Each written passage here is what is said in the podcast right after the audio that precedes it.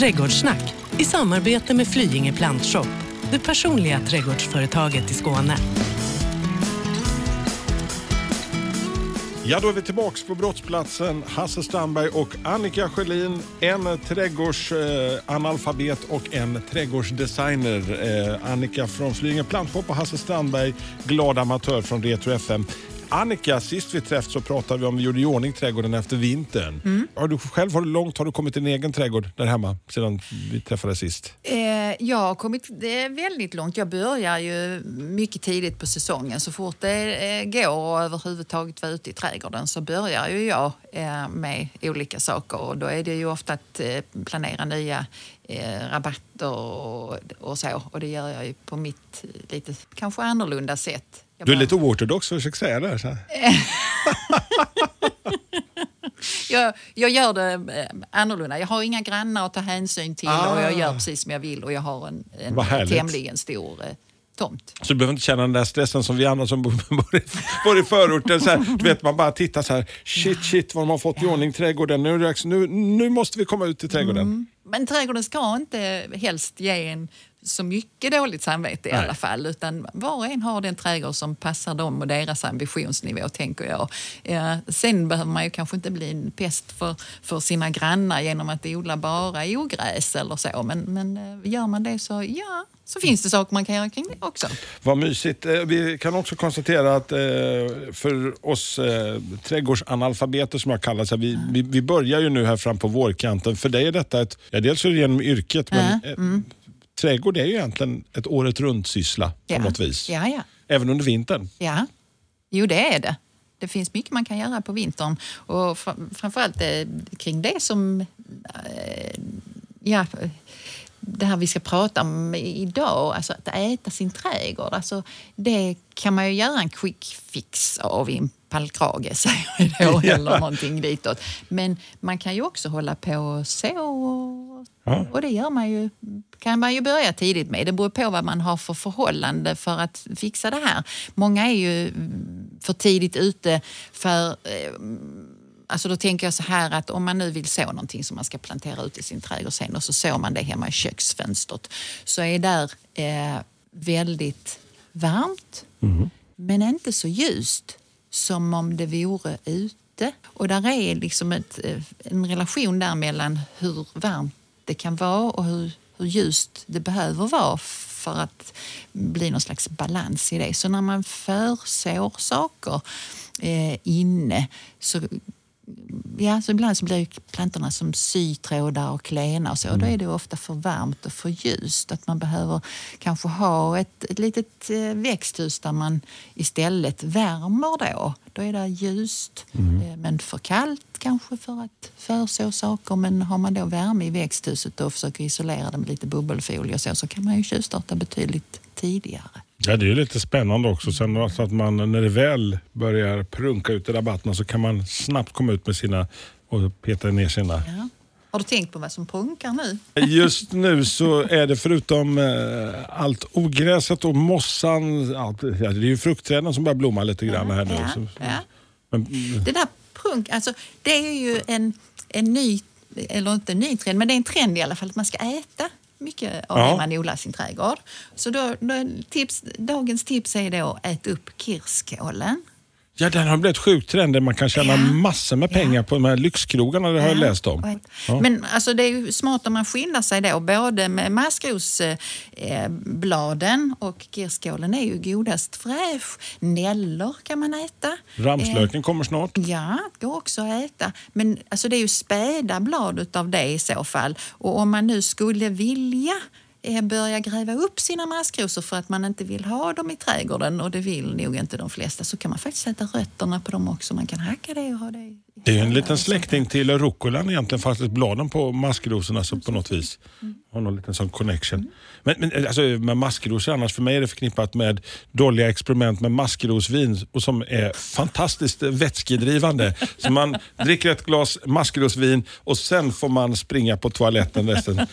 Jag har inte provat. Det låter inte bra. Nej, men, men om du känner att du behöver tömma kroppen på vätskor så är den skitbra. ja, någon ny diet då Ja. Du kan bli miljonär, jag lovar. Mm. Alla dagar i veckan. Kör den. Mm. Men alltså kirskålen, ja. Eh, Vad är det som, eh, vad är smaken på den? Alltså, jag, jag, jag, jag läste att det blivit väldigt trendigt att lyxkrogarna köper upp luk ifrån folk eh, runt om. Alltså, jag, jag vet, jag har faktiskt aldrig provat kirskål. Nej. Jag tycker det är roligare med andra saker. Jag har kirskål, men jag får, alltså, den har jag ju redan börjat klippa. Kirska, har du tänkt på det? Att du har sällan kirskål i en gräsmatta som mår, hyfsat bra. Utan kirskålen är ju ofta på öppna ytor, inne i häckar, Ja, i rabatter och så. Men eh, klipper man, om man nu har en, en, ett område med kirskål och man vill bli av med det så är ju ett sätt då, om det inte är inne i en rabatt, att man klipper flitigt och aldrig låter den gå i blom. För inte nog med att den sprider sig under jorden Mm. så sprider den ju sig med frö också. Men kan man förhindra fröspridning och man kanske bara har kirskål på en begränsad yta i sin trädgård så kan man ju i alla fall få den till att stanna där och inte hoppa vidare till andra ställen genom frö.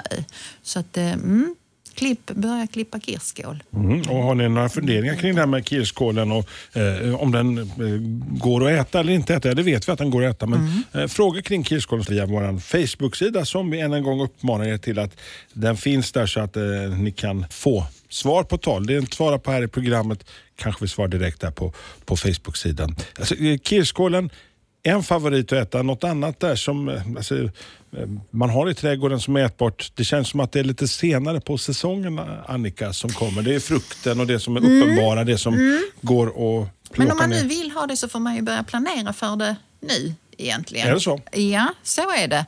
Ja, och då, när jag ger råd kring eh, alltså det här med köksträdgårdar eller ätbara trädgårdar och så, så har ju eh, storleken på trädgården rätt så stor betydelse.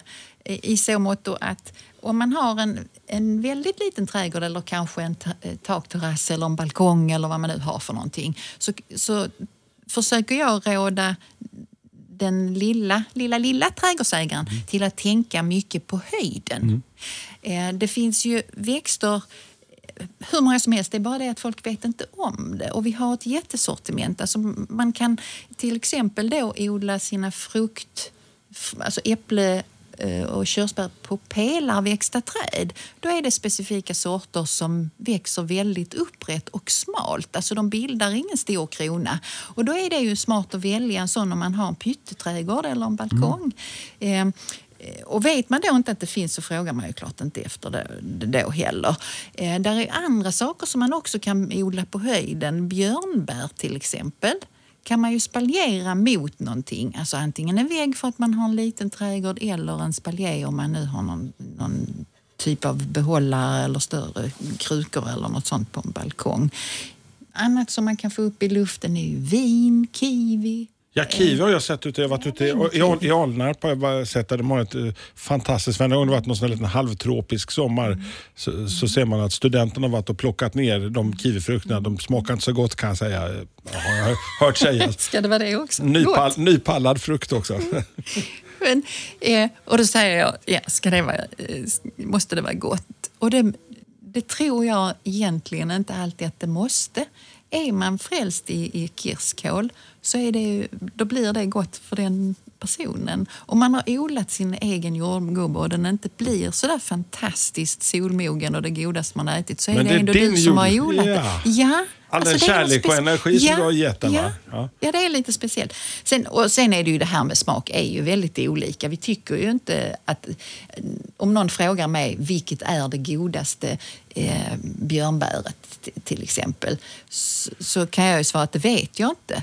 Jag kan ju säga vad jag tycker eh, är det godaste björnbäret. För mig är björnbär alltid någonting som växer i ett snår och så river, river man sig på det. Men det är kanske de vilda Mm. Så ja, nu björnbären. har vi sortgrejer här igen då. Ja. Då finns det ju björnbär som är taggfria. Oh. Åh, så bra! Och har man, inte alltså har man inte tänkt en tanke så är det klart att man inte vet att det finns taggfria björnbär. Men sånt pratar vi ju jättegärna med de som kommer till oss om. Eh, Ute på Flyinge? Ja, Ja. och de, då, då liksom kommer man ju lite vidare. Men det är i alla fall, i den lilla trädgården, så tänk höjd eh, och inte alltså, så mycket golvyta, utan mycket på höjden. Eh, och sen så, Eh, det här med pallkragar som vi har varit inne på i tidigare program.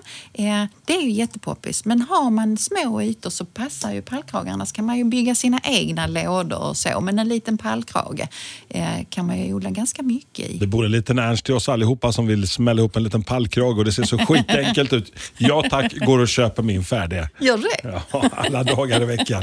Ja, ja. Ja, vi har pallkragar. Det finns svarta pallkragar, det finns små pallkragar, det finns lite större pallkragar och så. Ja, så men det, det har en strykande åtgång och det är, jag förstår, alltså det är klart, tjoff så är det klart. Och så, så eh, gjorde det. Man vill helst att det ska hända här och nu. Någonting annat? Om, ja. ja, om, man, om man tänker sig att man är- alltså, har en lite, lite större, nu har någon beskrivit här att nu har de lite mer än 40 kvadratmeter trädgård, eh, så kan man ju börja tänka, ja men då har jag ju lite mer golvyta och då kan jag kanske få in lite bärbuskar också i min eh, ätbara trädgård. Och bärbuskar vill helst ha sol från alla håll. Eh, och sen så ska man då kanske till och med sköta dem genom att grena ur dem och så. Så att de ska ju gärna stå så att man kommer åt och beskära när det behövs och plocka när det behövs och så att solen kan lysa så mycket som möjligt på dem. Så ge dem gärna plats, alltså kring en kvadratmeter för de flesta bärbuskarna. Eh, De behöver lite space där. Ja, så tryck inte ihop dem för då missar man ju en del utav Eh, alltså fruktsättning kanske för att det står för trångt och för att man inte riktigt kommer åt att sköta dem och, och sådär. Så att, eh, mm, då behövs det lite mer plats. Rabarber är också en sån. Ja, du, Där, där ska jag säga att eh, nu går jag till min lilla förortsidyll hemma i Burlövs kommuns näst största tätort, Åkarp. Där, där, där eh, hade jag lite hantverkare som skulle dra in fiber och en av sakerna som strök med när det skulle läggas in sånt fiberkabel, eh, det var familjens enda överlevande rabarber. Och nu är det dags att peta ner något nytt känns det som och ersätta den där Oxalsyra ska jag börja Ja. med att fråga direkt. Alltså, för det är någonting man känner att det ska inte vara så nyttigt att stoppa i sig rabarber Nej. för oxalsyran är inte så bra för njurar och vad det Nej, nu är. Men det är himla bra att koka eh, oxalsyrerika rabarber i fula eh, aluminiumkastruller. De blir skinande blanka. Jag har använt också fixat mitt lilla dusch, eh, avkalkning där. Stått och gnuggat för att få bort kalken inne i duschkabinen. Men det finns alltså eh, sorter av rabarber som har betydligt mindre oxalsyra i sig. Elmblitz det är en sån sort. Lättodlad. Ja, alltså det här med lättodlad. Jag tycker ju allting i princip är, är lättodlat. Eh, men allting tar ju sin... Alltså, ja. Man får ge den tiden. Ja, alltså det spelar nog inte någon roll egentligen vilken rabarber du väljer. Utan det är ju snarare så att får den en, en rejäl yta, den kanske ska också ha en kvadratmeter med bra jord och så, så blir den ju lättodlad för då växer den ju på och liksom trivs och täcker in sin yta och då blir det inte så mycket ogräs. Om man nu gör ett pyttelitet hål i gräsmattan och så sätter man rabarbern där och så börjar gräset växa mot rabarbern på rabarbern när den ska komma igång och börja växa. Då är det för mig inte så lättodlat. Och det, det är ju inte rabarberns fel. Man utan det är- det, det är inte så smart andra ord. Alltså, Nej, nej. Det är det jag försöker säga. Ja, just det. du, du var så modest där Annika. Men alltså, den behöver sin lilla yta och jobba med. Ja, för när växterna väl kommer igång och liksom trivs så, så är det ju så att bladverk och sånt, det är ju likadant med de här bärbuskarna då. Ger man dem plats och en yta, det gäller egentligen vilka växter som helst, där det inte är konkurrens med gräs och ogräs så utvecklas de bättre och liksom mutar in sin mark. Och då eh, slipper man ifrån ganska mycket av bryt som är lite tråkigt då. Så därför så, så eh, tycker jag att det, det, det är den lättodlade stilen då, eller vad man ska kalla det. Att man sköter det i början mest och sen så kan man släppa det lite lättare istället för att alltid få sköta det och så trivs det inte riktigt bra. Så Men man det- kämpar på ett annat sätt. Rabarbern överlever ju från år till år. Den Ja. Mm. är ju en av våra, en av våra perenner, Ja. säger jag nu. För jag Ja. tänkte jag vågar inte ta eh, knepiga ord. Vad ska hon säga? Jo, men det, det är jättebra. Den kommer tillbaka och perenna Ja. saker kommer ju tillbaka. Eh, Så att, eh, Men när kan när är det dags att peta, kan peta ner den nu till exempel? Ja, Nu, nu till ja. helgen här va? Rabarber är ju också en sån sak som eh, mycket annat nu för tiden eh, odlas i kruka. Eh, eller i någon typ av container. Då. Eh, så att, ja, det går alldeles utmärkt att peta den, eh, ner den denna veckan eller om fyra veckor eller om ett halvår. Ni har den här med, utan oxalsyra om det är någon nu som blir nyfiken ute på Flyinge? Ja, ja det, alltså, saker kan ju naturligtvis vara tillfälligt slut men vi Ja. har ju oxalfri, oxalsyrefattiga sorter Mm. i vårt sortiment. Så att, eh, jag skulle gissa att där står mer än en sort just nu. Men jag är inte där, jag sitter här i en studio. Ja. Men hur, hur, hur ska jag ta hand om min eh, rabarber om jag nu har, inte, har, behöver plan, plantera ut? Den behöver ju såklart all den kärleken och behöver lite, lite gödsel. Alltså, hur, hur tar du hand om, om nu specifikt? Eh, Jag gör alltid vid eh, platsen där jag ska sätta någonting nytt och jordförbättrar alltid innan jag ska plantera. Och det gör jag nästan, nästan alltid på min lätta sandjord med barkmylla och kogödsel. Det tycker jag är bra. Man kan använda planteringsjord också. Då får man, eh, vi har en planteringsjord som vi blandar som vi tycker är väldigt bra. Eller ja, vi har ett företag som blandar det åt oss. Men där det är eh, näringsämnen som är, eh, eh, vad ska man säga, de, det täcker en längre tid. Eh, så att det, det kan man också alldeles utmärkt använda. Och det är nu den här tiden tycker jag de här första eh, rabarberstjärnorna de har kommit upp och inte blivit sådär träiga och stabbiga. Liksom. Så är de som alla så säga, mjälla och fina och Ja, gör kan- fantastiska pajer. Ja, man kan bleka dem. Om man sätter någonting över dem så de blir blekta så blir de ännu mjällare. Alltså, förr odlade man ju det i typ källarutrymmen där man gick med små stearinljus eh, för att det inte det skulle komma in något ljus och så. Och då skördar man mjälla, mjälla rabarber. Oh, Så det är ett trick det lät. Det är lite, Ja. lite scary där. En källare någonstans så smög han omkring med stearinljus. Ja, precis, bland sina rabarber. Eh, Ja, jösses. Ja, nej, men, eh, men hur som haver, om man nu, om man nu har rabarber så, så eh, ge dem eh, en rejäl plats att bo på. Kan och sen så väntar man kanske så att man inte börjar ta av dem det här året. Utan nu ska den få lov att rota sig och växa till. Och så att, låt den vara i fred. Det blir ingen rabarberpaj i år. Men, men sen blir det. Det är lite så med sparris också. Ja, den, för den tänkte jag vi skulle komma också på. För det är nu den här säsongen, den fantastiska, den här underbara säsongen som är alldeles för kort. Den har vissa eh, år nu kunnat vara lite längre, men det finns ju inget mer himmelskt än att du tar den där lilla, brynt den i lite eh, rapsolja eller lite smör och så bara på med lite någon parmesan eller någon grana padano. Eh, eller lite någon annan så här, lite grekisk fetaost. och Så här, fantastisk. Ja, ja. Ja, det, det, och det här med säsong i trädgården. Nu, nu är det ju svårt att, att göra en gigantisk lång säsong av sånt som man vill äta här i Sverige. Men i alla fall, alltså sparris har ju sin säsong eh, ja, nu bara en kort tid framåt och sen så kring midsommar så är det inte mer sparris utan då ska den få lov att stå och växa till sig och, och göra vad den vill eh, och då tar man inte mer sparris. Och har man planterat sparrisplanta nu eh, i en fullständigt ogräsfri yta Sa hon och spände ögonen i mig.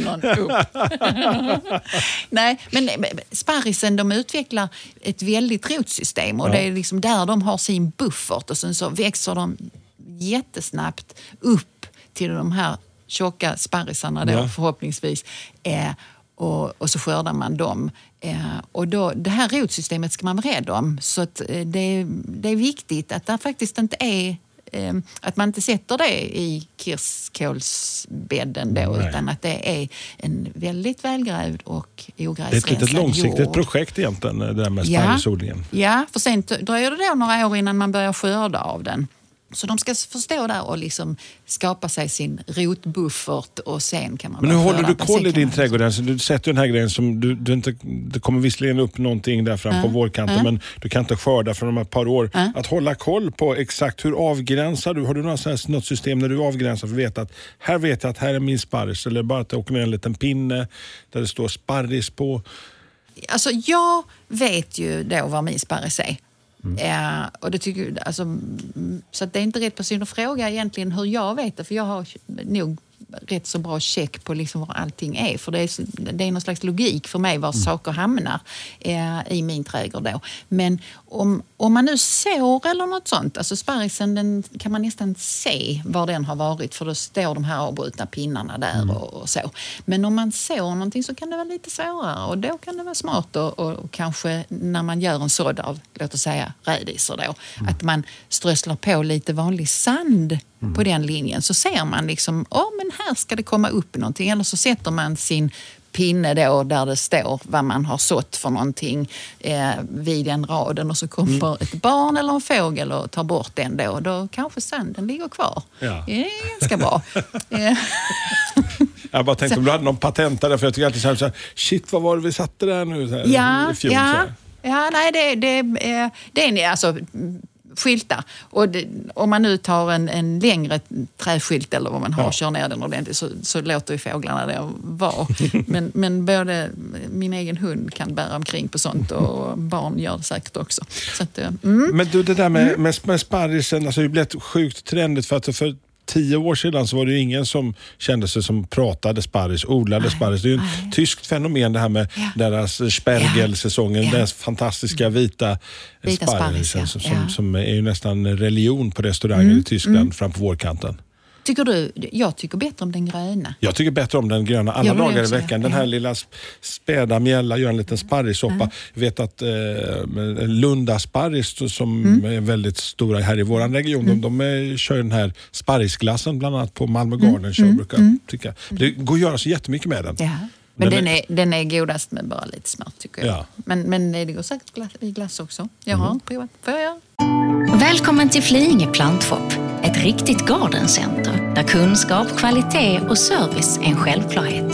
Bara tio minuter från Lund finner ni allt från perenner och buskar till stora träd, jord, gödning och tillbehör. Välkomna till Flyinge plantshop. Drömmen för alla trädgårdsälskare. Sådär lite sparris, det är lite rabarber, fruktträd. Nu mm. är vi mm. inne på lite större eh, ja. grejer kanske. Dags att ja. börja planera för fruktträden. Har man lite större plats så är ju då, då går vi från kanske det här som är pelarväxt och så som man har i de allra minsta trädgårdarna. Om man nu har en lite större trädgård och så ska man ha några fruktträd så kan man ändå tänka sig den här minimodellen. Då finns det något så smart som heter familjeträd. Då behöver man bara ett fruktträd och så är det tre olika sorters äpple då till exempel på det här trädet. Har man ympat in det på ja. dem eller så? Och det är ju för att äpplen behöver en pollinatör Alltså, det mm. räcker inte med ett eh, ingridmaderi utan då behöver man en pollinatör och be mig inte rabbla eh, vilka det är för det fixar jag inte. Utan, eh, utan då är ju den här varianten att, att man har tre olika sorter på samma träd och så fixar de pollinering. Och då tar det inte så stor plats. Som att man behöver ett av den sorten och ett av den sorten. Då har man plötsligt mutat in. För det, det är lite svåra valet när man ska välja äppelträd det är ju att de har vi ju ofta på en eh, låg stam. Mm. Alltså den här stamdelen är ungefär en meter lite drygt och sen kommer kronan. Så att de mutar ju in kan man säga golvyta för du kan ju inte använda riktigt golvytan under till någonting annat. Men hissar du då upp så att du har en högre stam på ditt äppelträd så är ju äpplena så högt upp så då är det svårt att få ner dem. Så därför är det väl att föredra och då har de i, åtminstone till början i plockhöjd då. Mm. Och sen så kan man ju beskära dem så att man får dem hur de vill. Åk ner till Kivik och kolla mm. på de äppelodlingarna där. Jag får alltid så dåligt samvete när jag varit där fram på höstkanten. Man ja. åker den lilla äppelturnén. Liksom, ja. Man ser alla de här små minimalistiskt, nästan som små bonsai-träd mm. i parti och minut som mm. står där. Mm. Päron, äpplen och eh, man känner bara att ja, så borde den kanske se ut hemma hos mig.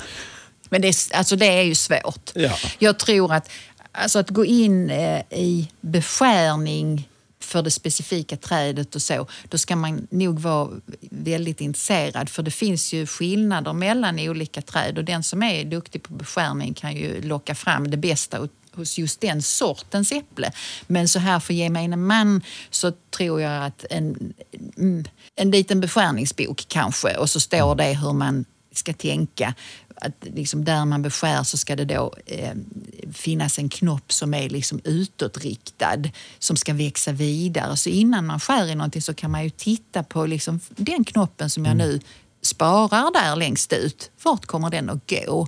Och går den då utåt, alltså ut från stammen och vidare utåt så kommer ju kronan att bli liksom öppen och solig och det är det man är ute efter. Om man beskär så att den här knoppen är riktad in mot stammen, mm. in i kronan, så är det ett sämre läge för den kommer att skava mot någonting annat mm. så småningom. Så att eh, när man beskär så kika på det, liksom, mm. vad händer här nästa år?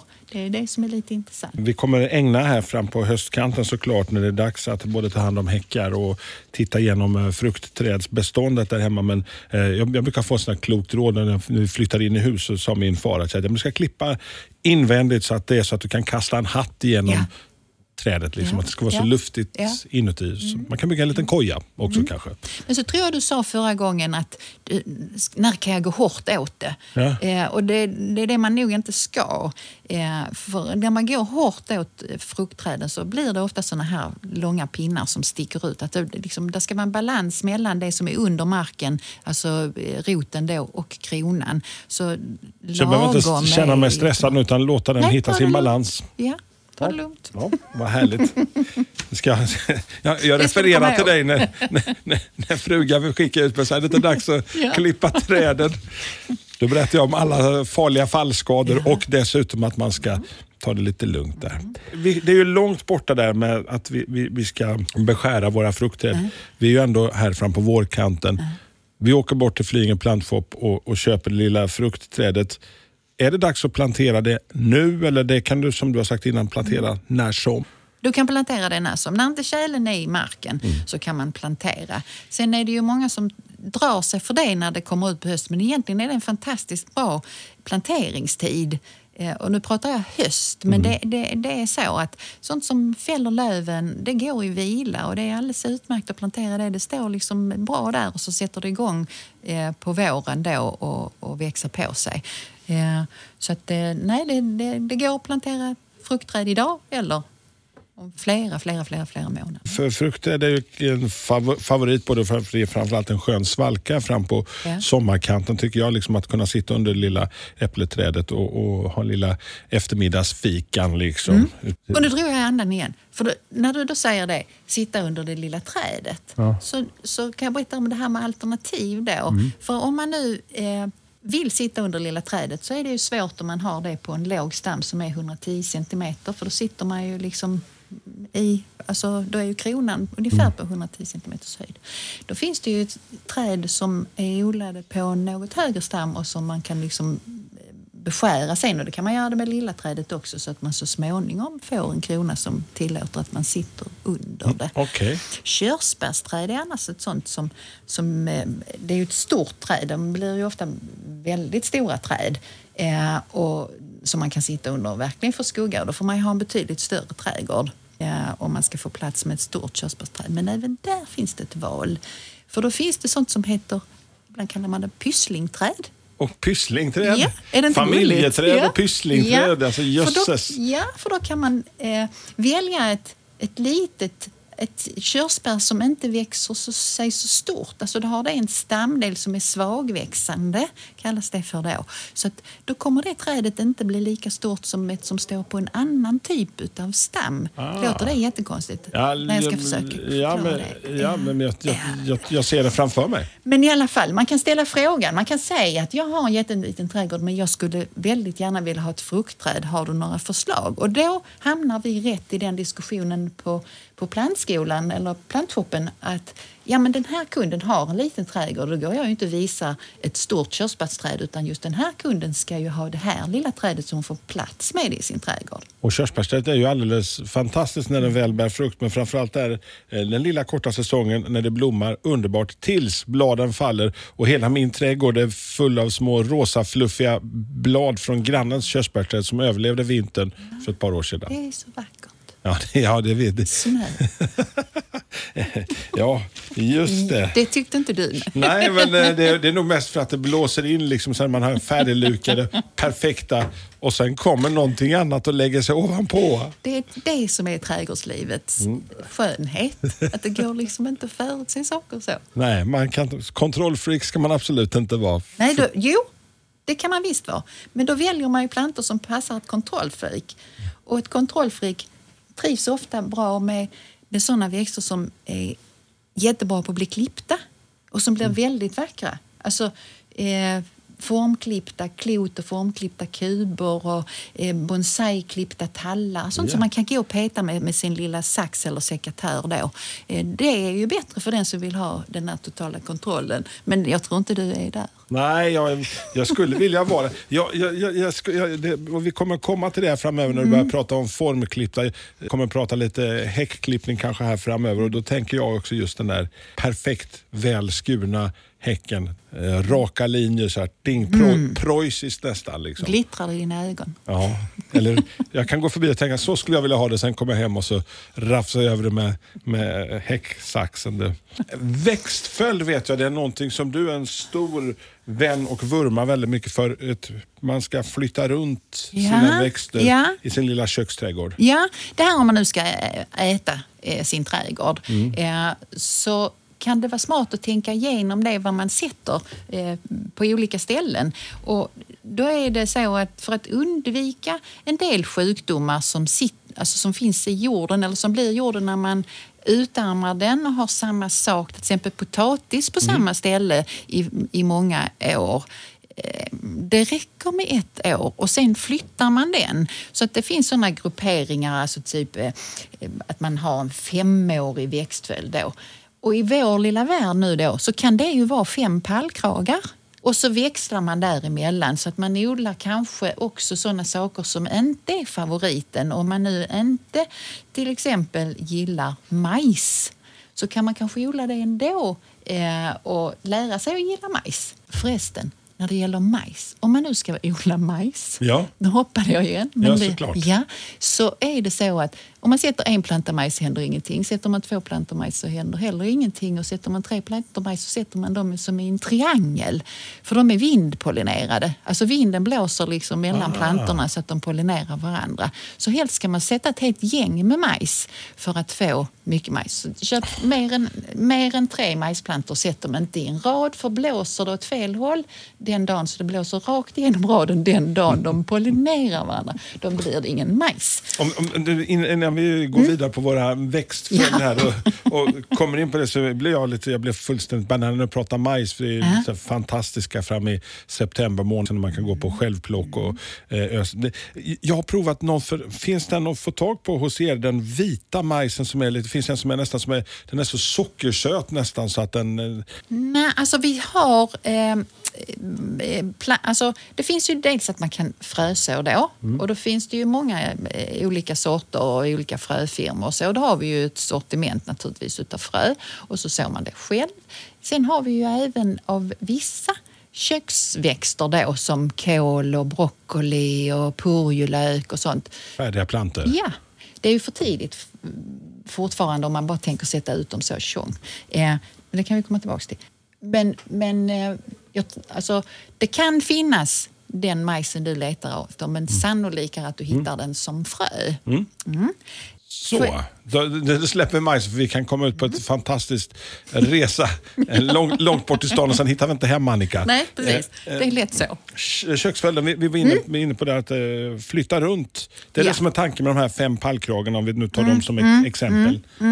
Så att, låt oss säga nu att man gillar lök. Så har man lök eh, i en och så har man potatisen i en annan och så har vi lite majs och mangold och spenat i den tredje. Och så har vi lite kålhållet då eh, av olika sorters kål eh, i en. Och Förutom kirskålen då. nej, den har vi inte där. Nej.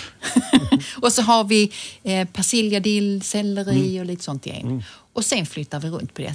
Alla de som jag nu har pratat om här, det är ju sådana som är där bara ett år. Så de tar man ju bort. Sen är det ju ett annat gäng som man kanske också vill äta som eh, är där i många år. Alltså då var vi inne på sparrisen då, det tar ett tag och rabarber och, och så. Eh, de har man eh, kanske i en annan del, så de involverar man ju inte i de här fem rutorna då. Rotationssystemet, nej. utan de står eh, så soligt det nu går och alltihopa, eh, men någon annanstans. Kronärtskockor till exempel. Ja visst fasen är det det, men lyckas man få upp någonting som går att mm. käka? Ja, alltså det finns en sort som är parent som heter herrgård. Den kan man prova. Det blir, alltså det blir gott.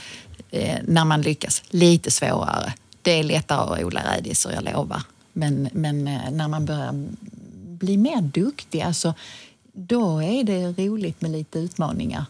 Just en, en liten som man annars tänker, medelhavsklimat, södra Frankrike kanske, en mm. kronärtskocka. Eh, mm. så, så, så, så alltså, kan man lyckas, jag gissar i denna landsändan av Man kan avlången, lyckas. Även längre upp i landet också, tror du? Ja, med täckning. Om man tänker, ja, alltså, det är ju det att det ska övervintra i marken. Mm. Det vissnar ju liksom ner så ska det övervintra där i marken. Och man kan göra ganska mycket genom rejäl täckning. Ja, sen är ju frågan hur mycket man har lust att lägga ner. Men, men eh, ibland så mm, mm. kan det vara någonting. En sak som man däremot kanske ska akta sig för som har också blivit lite i ropet är jordärtskockor. Jordärtskockan, ja, ja. den lilla... Ja, den lilla knölen där mm. som liknar en, en illavuxen potatis ibland. Knö, och som är jättetrendigt på den lilla krogen med en liten ja. jordärtskockssoppa ja. till entré. Mm. Så.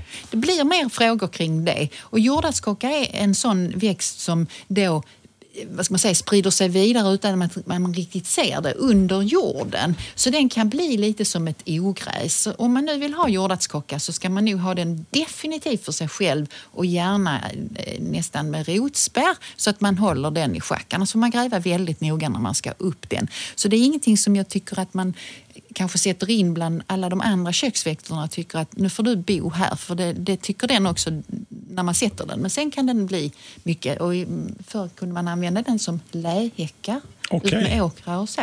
För den, den växer på kan man säga.